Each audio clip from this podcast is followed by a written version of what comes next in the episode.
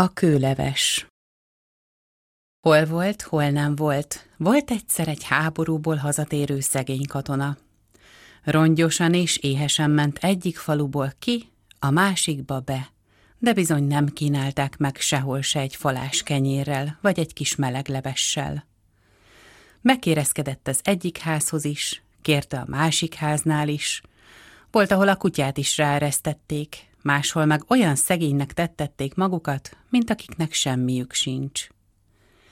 Elhatározta magában a katona, hogy a következő faluban bemegy a legelső házba, és lakjon ott bárki is, levest főz magának. Ahogy beért a faluba, föl is vett az útról egy követ, és bement a legelső házba. Egy öreg asszony lakott itt. Jó napot, öreg anyám! Adjon Isten vitéz, uram! Hát hogy, mint szolgál az egészsége? Az enyém szolgál, ahogy szolgál. Hát vitéz uramnak hogy szolgál? Nekem is épp úgy szolgál, ahogy szolgál, de nagyon éhes vagyok, és úgy ennék valamit, ha volna, aki szívesen adna. Jaj, lelkem, vitéz uram, adnék én, ha volna, de én is olyan szegény vagyok, mint a templom egere. Semmim sincs, tiszta üres a kamrám, üres a padlásom, üres mindenem. Még egy falás sincs idehaza. Jól van, mondja a katona. Én nem vagyok annyira szegény, mint az látszik. Van itt a zsebemben egy jó nagy kő. Ebből én tudnék levest főzni, csak kéne egy üstöcske, vagy egy fazék, amiben megfőzhetném. Kíváncsi lett nagyon az öregasszony, milyen lehet az a kőleves. Fazekat éppen adhatok, mert az van elég, mondja az öregasszony. Csak az nincs, amit beletehetnék. Megmosta a katona a követ jó alaposan, aztán beletette a fazékba. Az öregasszony tüzet rakott. A katona vizet töltött a kőre, s oda tette főni. Időnként egy jó hosszú fakanállal megkeverte a vizet. Leste az öregasszony, hogy mit csinál a katona. Amikor a víz már fort, a katona megkóstolta a levest. Finomnak finom, mondja, de ha egy kis só volna benne, akkor még finomabb volna.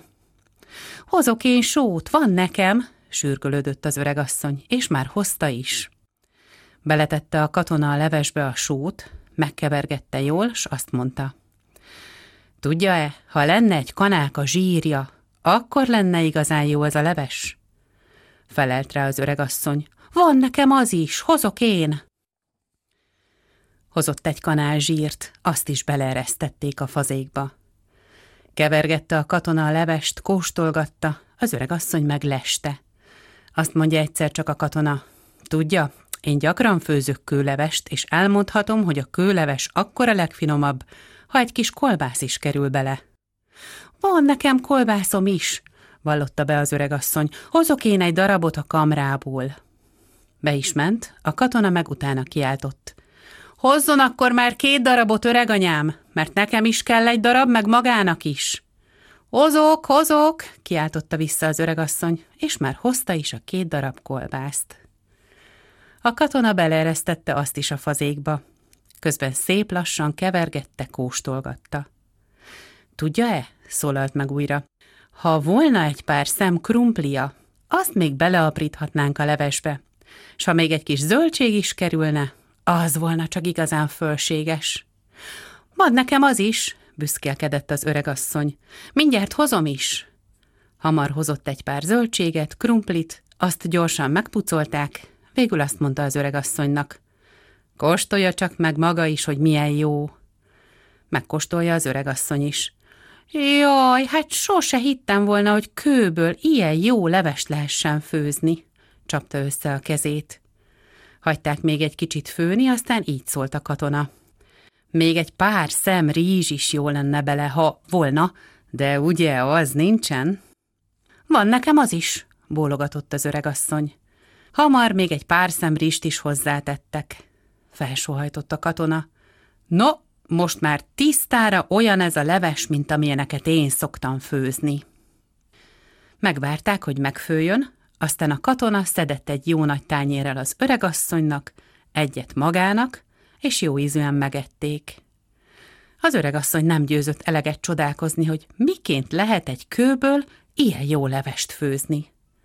Mikor jól laktak, azt kérdezte a katonától. Mondja, vitéz uram, nem adná el ezt a követ? Sokszor az sincs, amit főzzek, s ebből milyen jó leves tudnék én főzni. Eladom én szívesen, felelte a katona, és elmosolyodott a bajusza alatt. Száz forintért odaadom. Az öregasszony hamar odaadta a száz forintot, kivette a levesből a követ, egy kendőbe betakargatta, s jól eldugta. A katona meg elsonfordált a száz forinttal, nehogy az öregasszony meggondolja magát. Így már jól is lakott, és volt neki száz forintja is. Vígan rótta estig az utat, amíg nem talált megint egy olyan öregasszonyt, aki nem tudta, hogyan kell főzni a kőlevest. Ott aztán újra jól lakott. Ez volt a kőleves története. Éljetek úgy, hogy nektek soha se kelljen megkóstolnotok. Ez a műsor a Béton közösség tagja.